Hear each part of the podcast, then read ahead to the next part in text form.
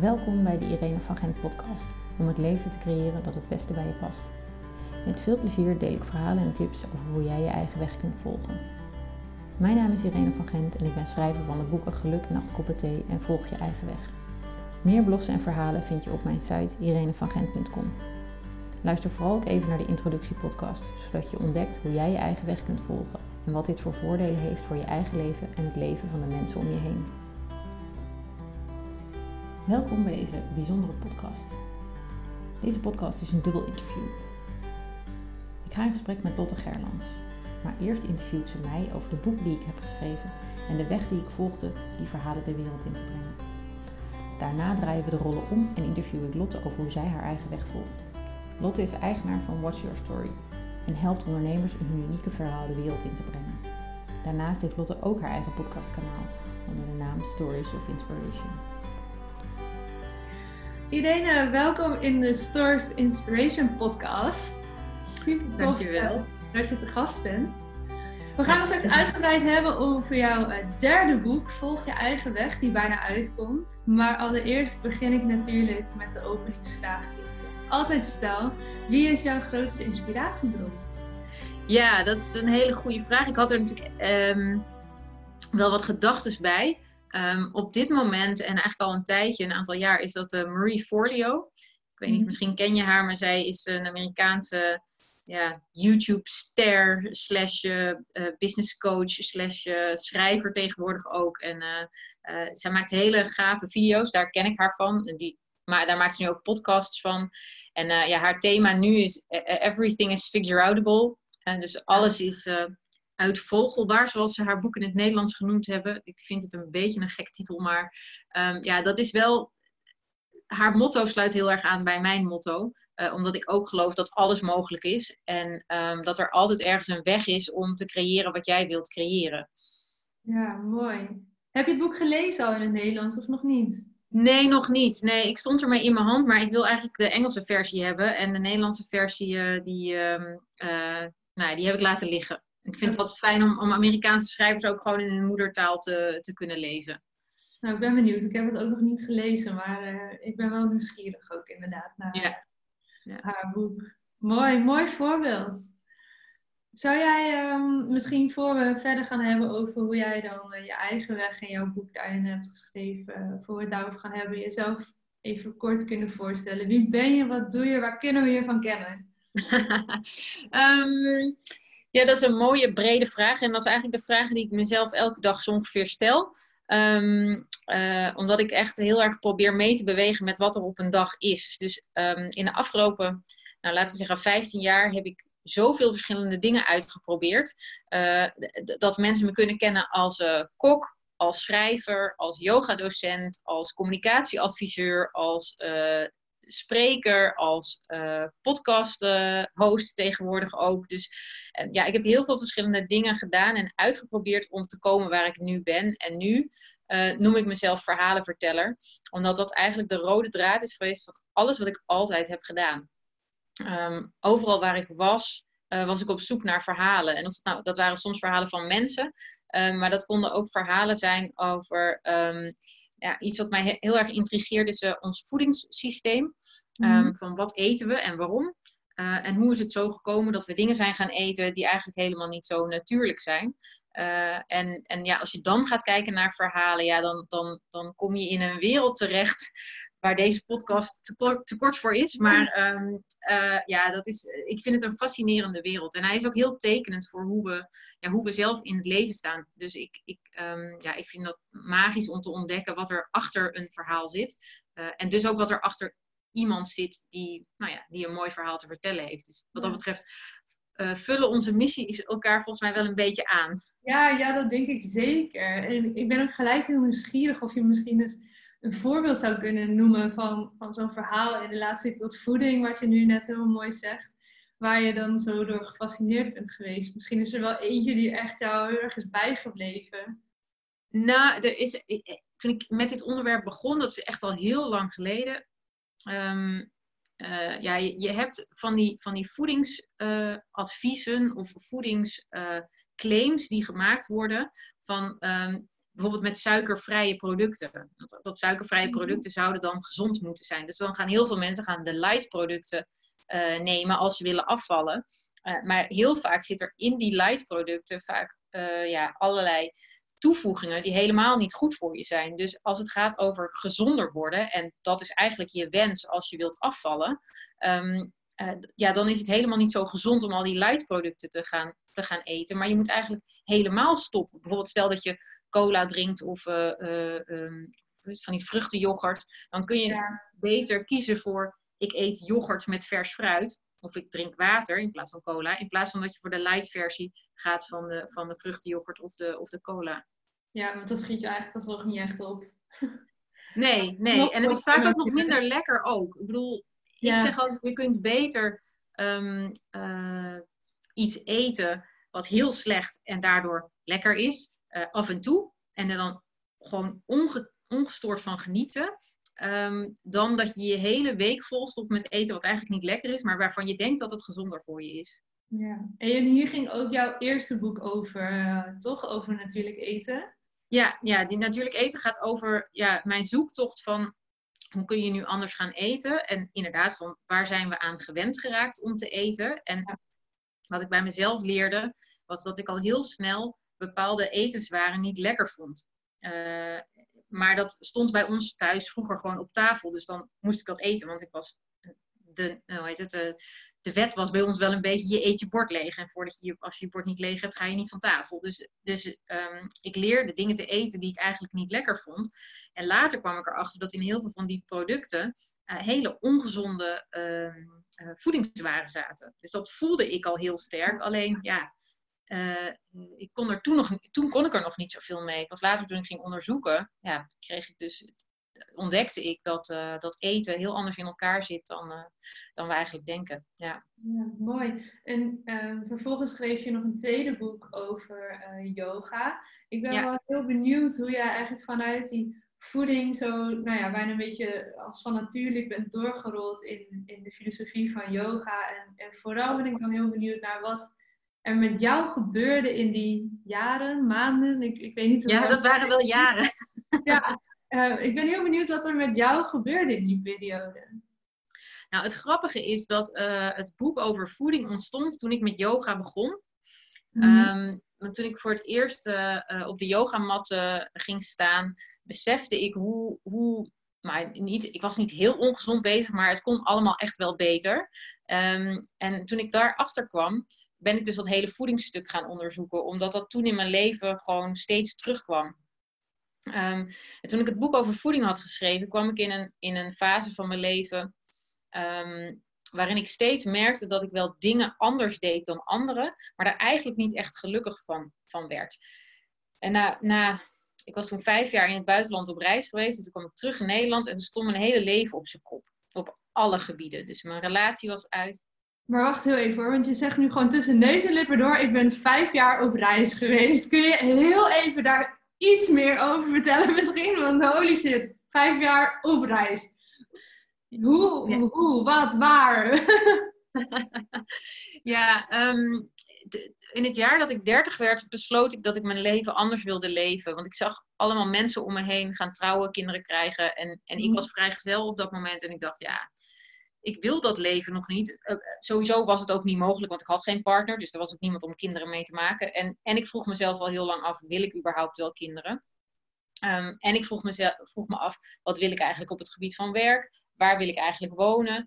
Dus Mhm. voor mij was de meest logische stap toen mijn huis verkopen, mijn baan opzeggen en, en een jaar op onderzoek uitgaan. Wie ben ik en wat wil ik? En in die periode dat ik op reis was, en dan hou ik het heel kort door, want anders dan gaan we echt, Ja, ga ik, er, kan er uren over praten. eh, werd ik verliefd op iemand die eh, een deel van het jaar eh, in, de, ehm, in het toerisme ehm, in Griekenland werkte en een ander deel van het jaar in de wintersport. Ja, en, en onze liefde was op dat moment zo sterk dat ik zei, nou, ik ga met je mee, want ik wil dat, dat leven ook wel ontdekken. Ehm, dus, dus ik ben met hem meegegaan en, en zo wisselden we eh, winter- en zomerseizoenen af. Eh, ja, tot het moment dat ik, dat ik besloot, van, nou, dit voelt niet goed meer, ik ga nu iets anders doen. En eh, op dat moment eh, ben ik een yoga-docentenopleiding gaan doen. Mhm. Ehm, ja, en toen is mijn yoga hart wel weer echt veel sneller gaan, gaan kloppen. Maar was uiteindelijk het leven, was dat niet meer voor jou? Of zijn jullie ook niet meer bij elkaar ondertussen? Nee, we zijn ook niet meer bij elkaar. Um, en ja, ik denk dat het een voor een deel met het ander te maken heeft. Uh, maar het was voornamelijk het leven wat we gecreëerd hadden, wat voor mij niet meer paste. Ja. Um, en hoe kwam je dan zeg maar, tot het punt dat je zegt: Oké, dan, dan is dit het geweest? Uh, dat is best wel een beslissing. Om dan te zeggen: Ik gooi het roer weer om na vijf jaar. Ja, dat. dat um, ik heb het idee dat bij heel veel dingen in mijn leven die gebeuren gewoon. Ja, en gewoon, dat klinkt ook een beetje gek, maar um, ik weet nog dat ik in dat jaar voordat ik het roer compleet om, omgooide, riep: um, Ik zou wel eens helemaal opnieuw willen beginnen. Mm. nou, en dat gebeurde dus op een gegeven moment. Ja. Toen verbrak ik mijn relatie. Uh, had ik geen werk, uh, uh, ja, was die vastigheid van, van de seizoenen afwisselen was weg. en mijn hele sociale netwerk was ja, volledig geminimaliseerd, zeg maar, doordat ik al die jaren in het buitenland was geweest. Dus ik ja. kwam terug in Nederland. En um, ja, ik, ik stond, ik stond er eigenlijk alleen voor. Wat je? hoe was dat om terug te komen? Um, ja, dat was best wel heftig. En dat heb ik echt heel erg onderschat. En, en, daarom. Wat zei je, waarom? Waar liep je tegenaan? Um, nou, vooral tegen mezelf, denk ik. Um, en vooral tegen het feit dat ik niet kon um, accepteren op dat moment dat het was zoals het was. Want ik, uh, ja, ik, ja, hoe moet dat zeggen? ik vocht tegen Nederland. Daarom, was ik ook heel, daarom was, ben ik ook ooit weggegaan. Ik vocht tegen het systeem wat we in Nederland gecreëerd hadden met elkaar. Die red race waar iedereen in zit. Het mhm. harde werken. Um, het altijd maar geld moeten verdienen. Het streven naar meer. Daar, daar werd ik gewoon heel ongelukkig van. En um, toen ik yoga ging doen, besefte ik dat eigenlijk het geluk gewoon diep, diep van binnen zit. Um, maar toen ik terugkwam in Nederland, ja, was dat, dat gevoel wat ik in India had gehad toen ik die yoga-docentenopleiding deed, dat gewoon compleet verdwenen. Want, want ik kwam in een, in een wereld terecht waar alles ging over geld verdienen en hard werken en carrière maken. Want dat was de oude wereld waar ik uit was gestapt. Ja, en daar stapte ik dus toch weer in toen ik terugkwam in Nederland. Ondanks dat ik andere keuzes maakte. Want de eerste maand dat ik in Nederland was, woonde ik op een zeilboot. Ik bedoel, dat is natuurlijk niet hetzelfde als um, uh, als een, een 9-to-5 baan en elke dag uh, op de A2 uh, eh, naar je werk rijden in file. Wat ben je gaan doen om dat te doorbreken uiteindelijk? Want je doet nu heel iets anders. Wat ben je gaan doen om het te doorbreken? Nou, ik ben dus echt wel een soort zoektocht gaan, gaan doen naar wie ben ik en wat wil ik. En gaan kijken van nou, waar ben ik nou allemaal goed in? En daarin heb ik heel veel geëxperimenteerd. Dus, um, maar in eerste instantie moest ik echt weer aarden in Nederland. Dus toen pakte ik het achtvoudige pad van yoga erbij. Want ik had de, dus de yoga-docentopleiding gedaan en ik wilde wel les gaan geven. Maar eigenlijk merkte ik ook wel dat het niet helemaal mijn ding was. Alleen de yoga-filosofie, die trok me enorm. Dus ik had zoiets van, ik wil daar iets mee. Ik wil die filosofie in mijn leven kunnen integreren, zodat ik in Nederland een, een relaxed leven kan leiden. En toen had ik een heb ik een plan voor mezelf gemaakt. Uh, om een jaar lang het achtvoudig pad te gaan volgen. En dat ben ik toen gaan doen. En daarin leerde ik heel veel over mezelf. Ja, dus eigenlijk heb je een soort van dubbele ontdekkingsreis gemaakt. Eerst dacht je, ik wil mezelf leren kennen. Uh, dus ik ga naar het buitenland. Daar was je vijf jaar en je kwam terug. En eigenlijk was het toen weer opnieuw jezelf leren kennen in een nieuwe situatie. Ja. Uh, je zegt heel mooi, nou ja, vanuit de yoga-filosofie uh, heb je de draad opgepakt eigenlijk. Ik ben wel heel nieuwsgierig. Um, wat is jouw belangrijkste, of dat zijn de paar belangrijkste inzichten of lessen die jij hebt geleerd vanuit de yoga-filosofie, die je zou kunnen meegeven aan de mensen die luisteren? Nou, ik denk dat de allerbelangrijkste. Nou, er zijn er twee eigenlijk die bij mij altijd bovenaan komen staan. Maar de, de mhm. allerbelangrijkste is uh, geweldloos leven. En dat is ook meteen de eerste les die je leert als je de filosofie gaat aanpakken. Um, en geweldloos leven gaat echt over hoe kun je um, ja, met liefde naar jezelf en de wereld om je heen kijken. En wat ik daarin ontdekte was dat vanuit de filosofie heel erg wordt omschreven, ja, je, je moet bij wijze van spreken een vegetarisch, veganistisch uh, eetpatroon hebben. Want dan doe je, je, doe je anderen geen geweld aan. En je moet liefdevol communiceren, want dan doe je anderen geen geweld aan. En je mag anderen niet pijn doen of, doden of wat dan ook. Maar ik merkte dat het ook heel erg gaat naar jezelf toe. dat het heel erg gaat over uh, geef jezelf liefde. Want alleen als je jezelf liefde geeft, kun je dat met de ander delen. Maar omdat dat niet iets is wat je op school leert. Ehm, en als je dan, zoals ik, ik was toen 35, uh, eh, als je dan moet gaan leren om jezelf liefde te geven, ja, dat is best wel een, dat is best wel een ding. Uh, en het heeft bij mij ook best wel lang geduurd voordat ik dat echt helemaal kon begrijpen. En het is nog, nog bijna een dagelijkse les om, om vanuit de liefde voor mezelf te kunnen, te kunnen leven en, uh, en, en ja, om vanuit mezelf te kunnen leven en werken. Ja, ja je zei dus, er zijn er twee heel belangrijk. Wat is de andere die bij je oppopte? Ja, de andere is um, uh, bezitloos leven. En um, ja, dat gaat echt over leren leven met zo min mogelijk spullen. En dat was iets waar ik uh, al jarenlang heel erg mee bezig was. Omdat ik al mijn spullen, ja, die stonden al jarenlang in de opslag. Dus daar had ik al jaren niet naar omgekeken. En ik merkte ook dat ik het gewoon niet miste. Ja, als wij aan het reizen waren, dan hadden we of uh, een zeilboot met spullen of, of een, een stationwagen, weet je. Dat, dat was wat we hadden. En dat was ook echt alles wat we nodig hadden. En vaak was er, hadden we zelfs nog te veel bij ons. Dat we aan het eind van het seizoen zeiden, oh, dit hebben we ook helemaal niet gebruikt. Nou, dat kan de volgende keer dan wel, kan dat wel thuis blijven. Um, dus, dus ja, en, en dat, dat merk ik nu nog steeds. Ik, ik verlang heel weinig naar spullen. Het is niet dat ik denk, oh, ik moet die nieuwe tas hebben of ik moet dit hebben of dat. Weet je, ik, ik wil wel eens iets nieuws, want ja, als mijn kleren kapot zijn, dan is het fijn als ik iets nieuws kan kopen. Maar het, het, um, het is niet meer het belangrijkste om, om elke maand of, of elke week nieuwe kleren of schoenen te kopen. Absoluut niet. Mooi. Ja, super mooi om te horen hoe je eigenlijk in het, in het leven, als ik hem heel breed trek, je eigen weg volgt al. Zeker de laatste, nou pakweg, wat zal het zijn, 10, 15 jaar ruim genomen, hoe je hierover vertelt.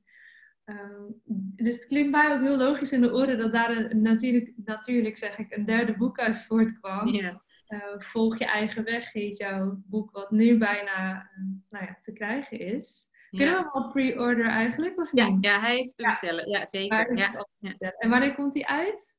Uh, ja, hij ligt nu bij de drukker, dus ik, ik denk begin mei. Dus het is even afwachten hoe, hoe, hoe het allemaal gaat, maar begin mei, ja.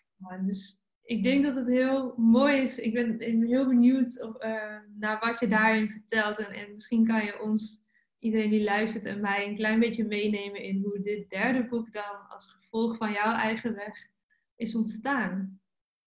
Ja, het begon um, uh, een jaar geleden ben ik echt begonnen met schrijven. Wat ik zie als ik terugkijk naar, naar de andere boeken die ik heb geschreven, zit er meestal een periode van een jaar of vier tussen voordat het er weer echt een boek is.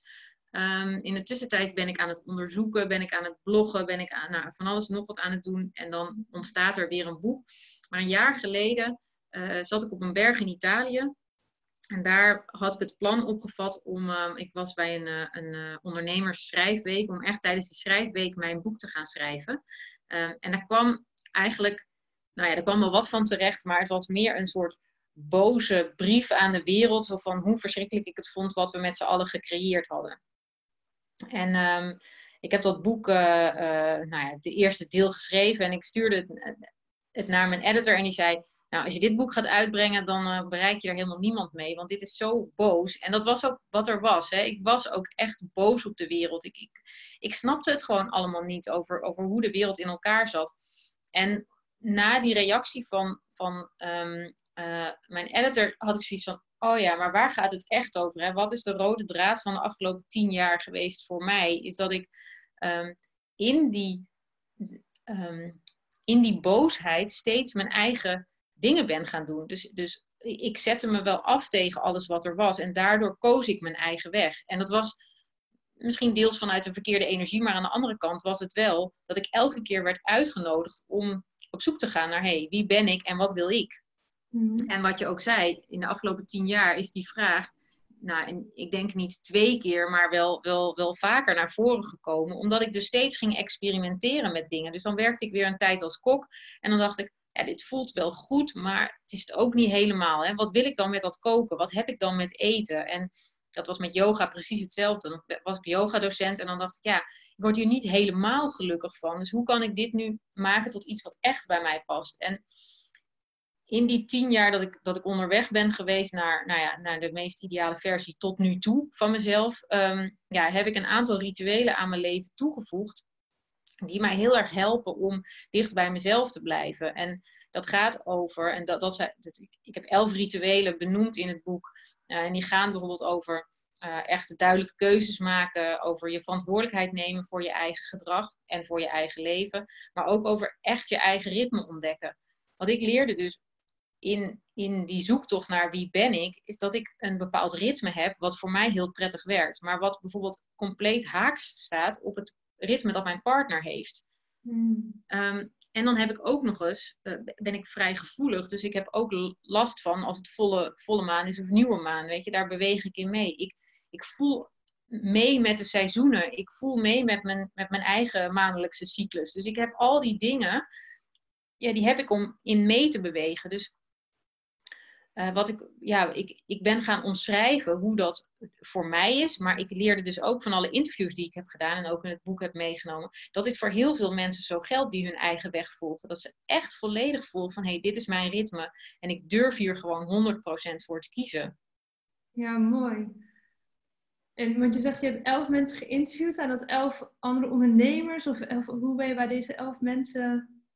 Ja, het zijn uh, bijna allemaal ondernemers. Um, Ze komen uh, voornamelijk uit mijn, uh, ja, ik heb een vrij groot uh, netwerk aan ondernemers om me heen, um, die ik graag wilde interviewen.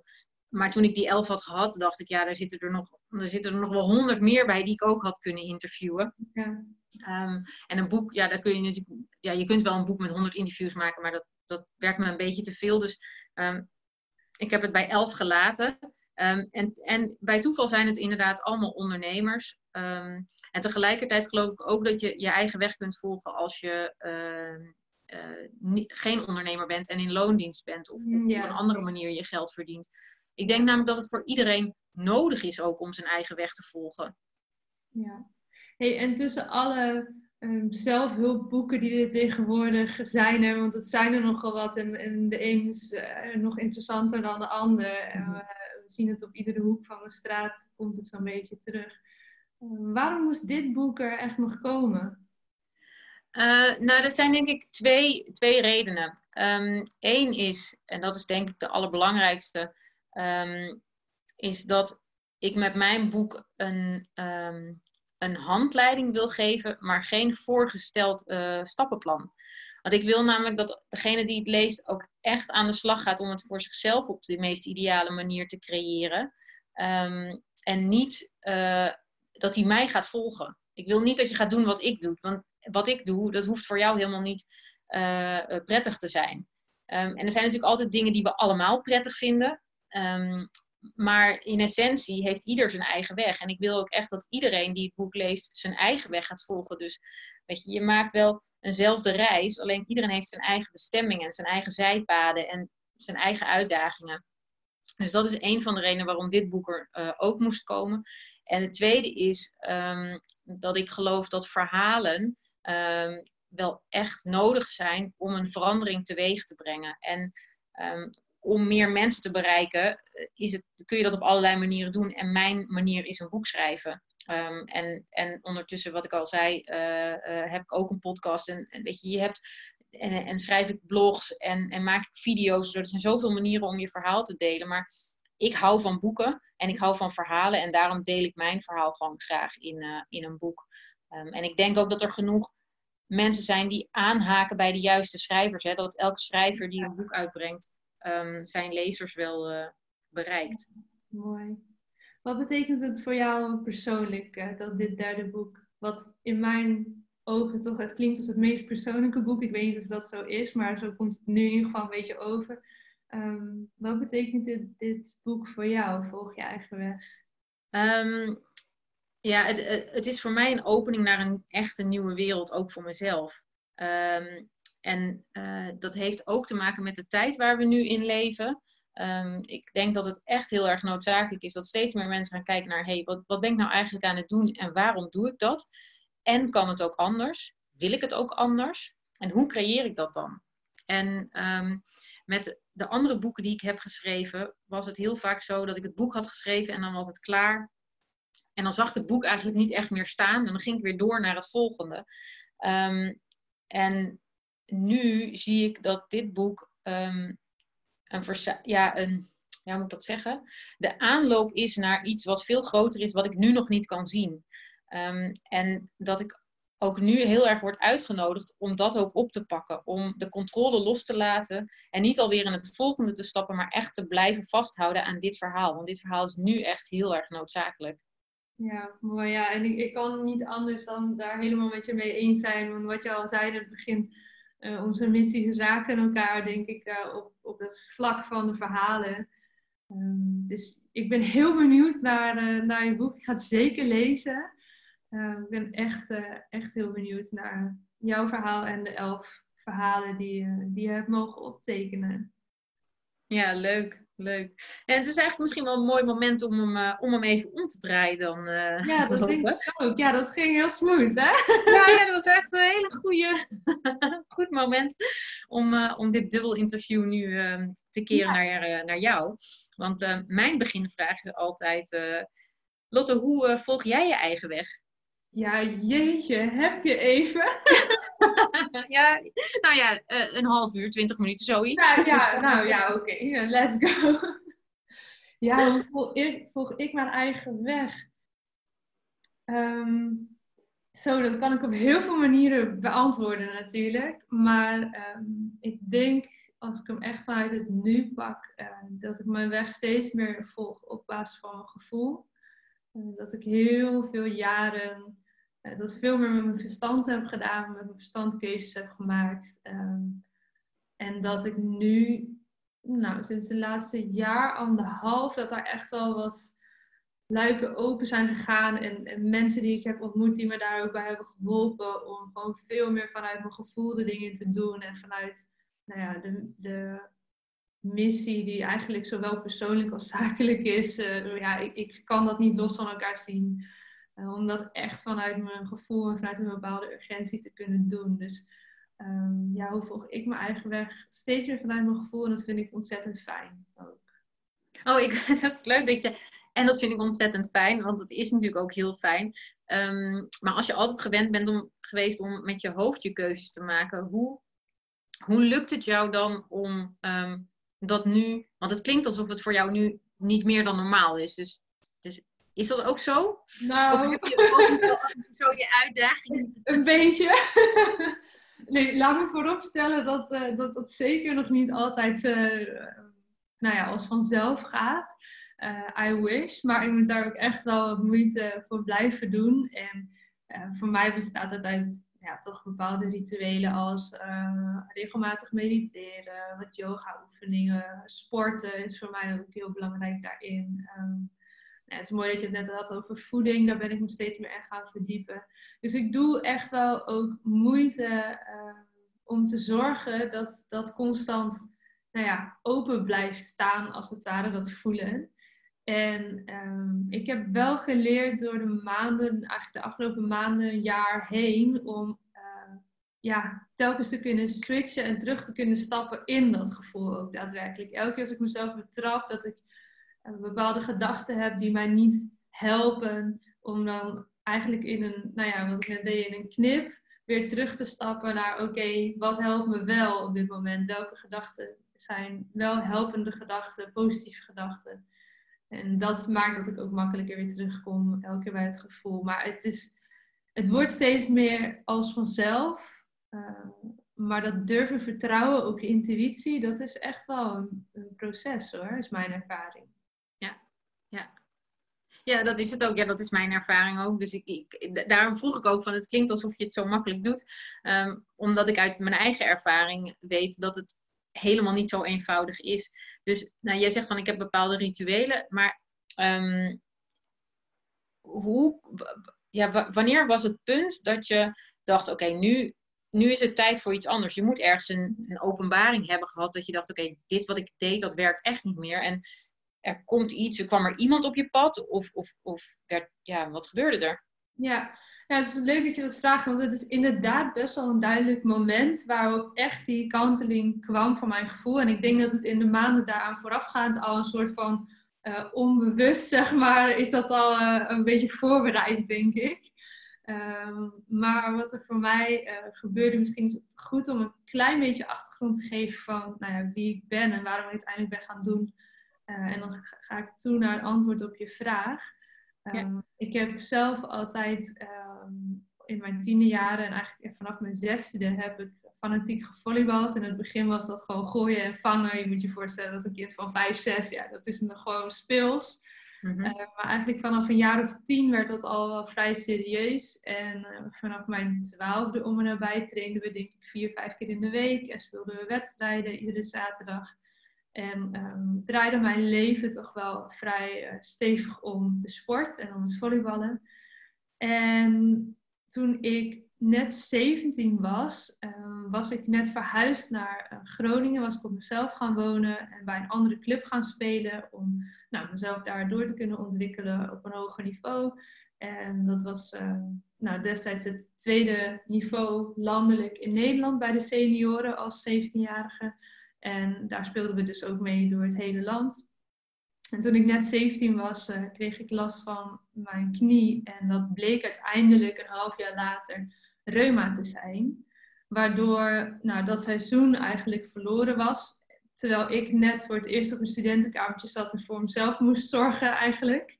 Uh, ja, dat klinkt nu achteraf heel kneuterig, maar toen, ik had het toevallig vorige week over met uh, mijn vriend, wist ik nog niet hoe ik kipgaar moest bakken, bij wijze van spreken. Mm en nou ja, daar zat ik dan de hele winter en die winter die was vrij lang en niet zo leuk, want in mijn leven ging over volleybal en studie, dat deed ik erbij.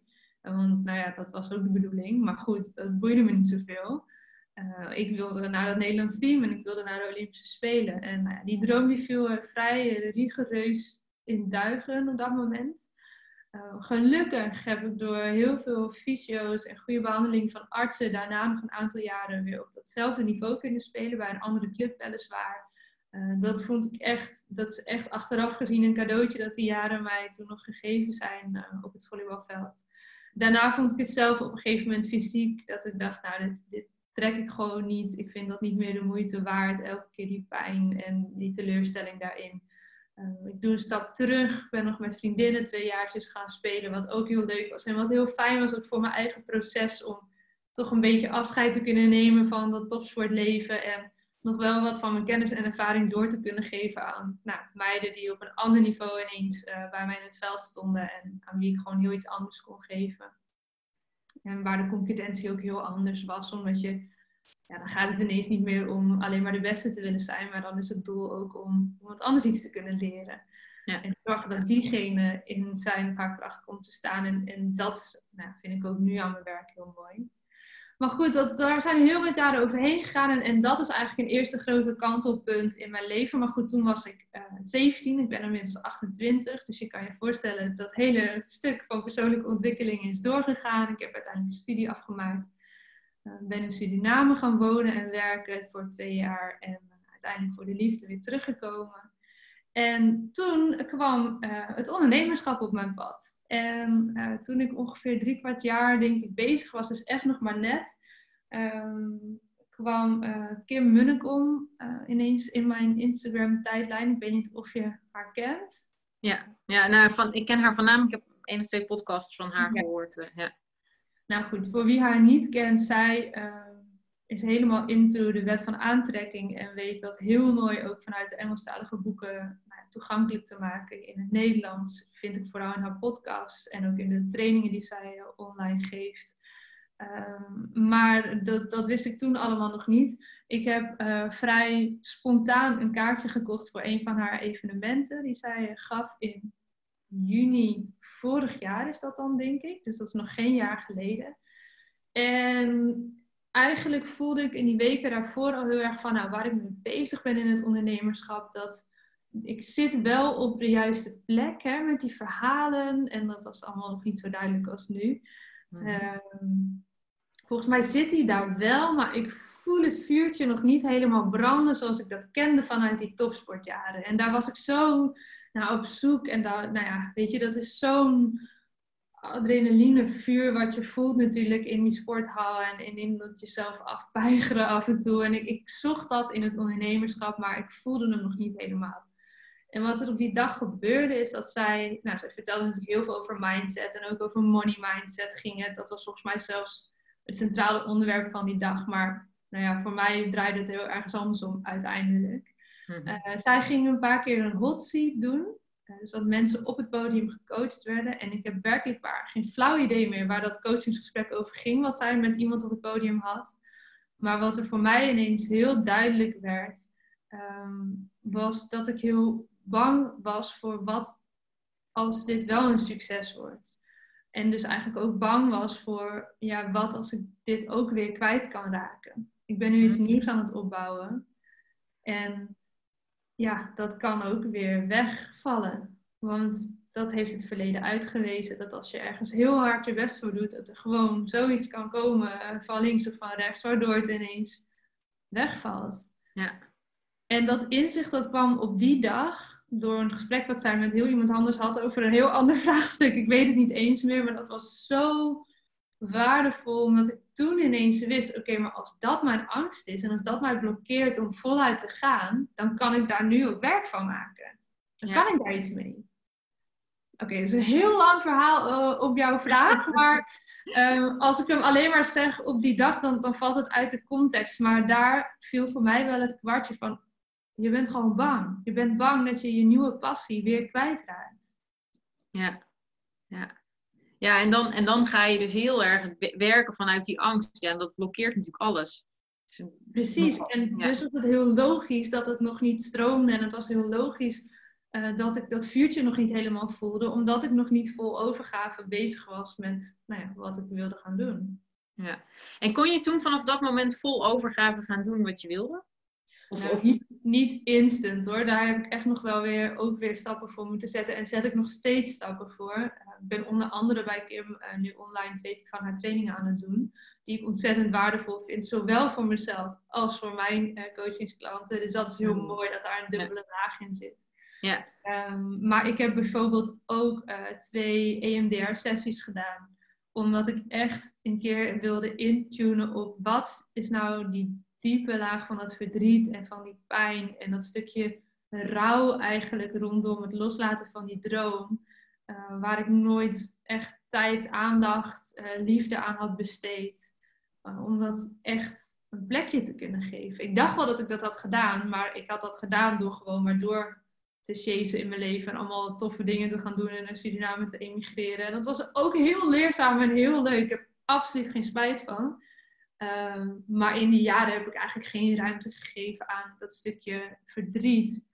Wat toch blijkbaar wel heel erg nog aanwezig was. En dat, ja. ik, waar ik mij nog steeds heel erg mee identificeerde. Dat ik dat volleybalmeisje ben. Of was, kan ik inmiddels zeggen. Maar ik voelde dat een jaar geleden nog heel sterk. Van ja, maar dat is wie ik eigenlijk echt ben. Maar dat was ik al jaren niet meer.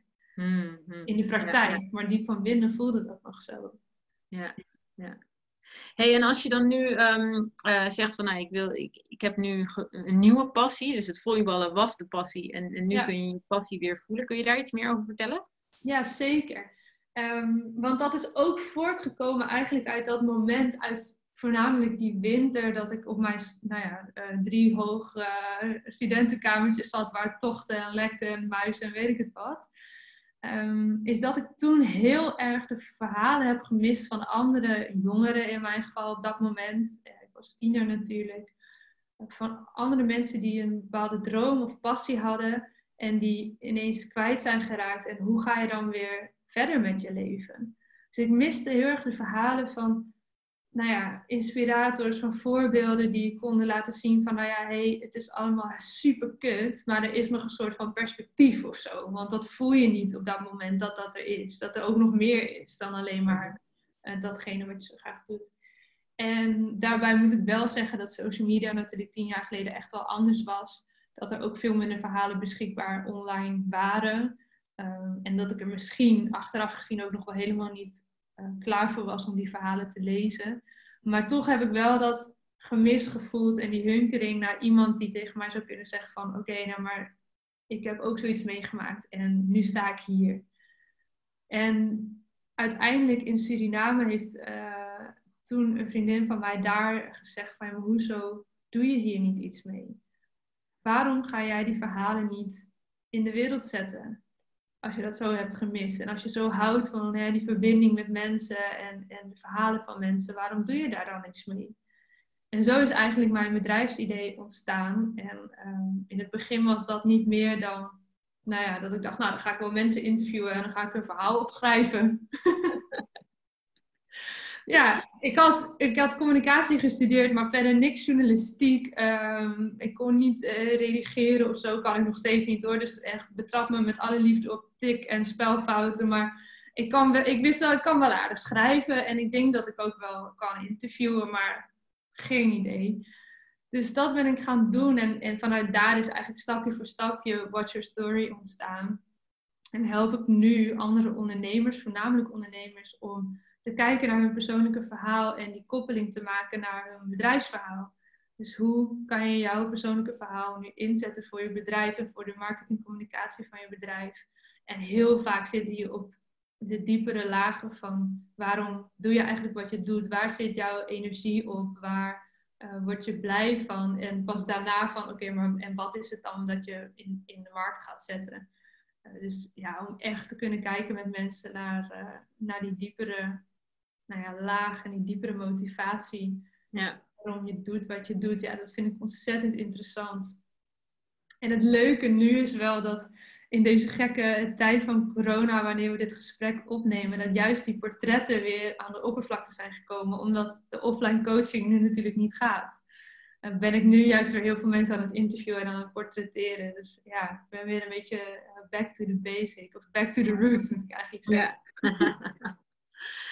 ja, en wat ik wel leuk vind dat je zegt, is dat um, je, je interviewt mensen um, om toch dat verhaal helder te krijgen. Dus je bent niet alleen je haalt niet alleen het verhaal naar boven, maar eigenlijk ook um, de passie of, of de basis van, van het bedrijf. Dus je bent ja. ja misschien ook wel een soort van business coach in die zin dat, je, dat mensen misschien wel met iets bezig kunnen zijn, maar dat, dat door een gesprek met jou ze kunnen ontdekken van hé, hey, die rode draad eigenlijk, gaat eigenlijk ergens anders heen dan wat ja. ik nu in de wereld aan het zetten ben.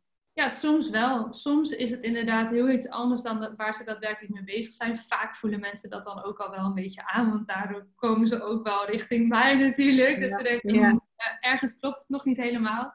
Maar soms is het ook um, dat ze wel datgene wat ze aan het doen zijn, dat dat eigenlijk wel is waar ze heel erg blij van worden.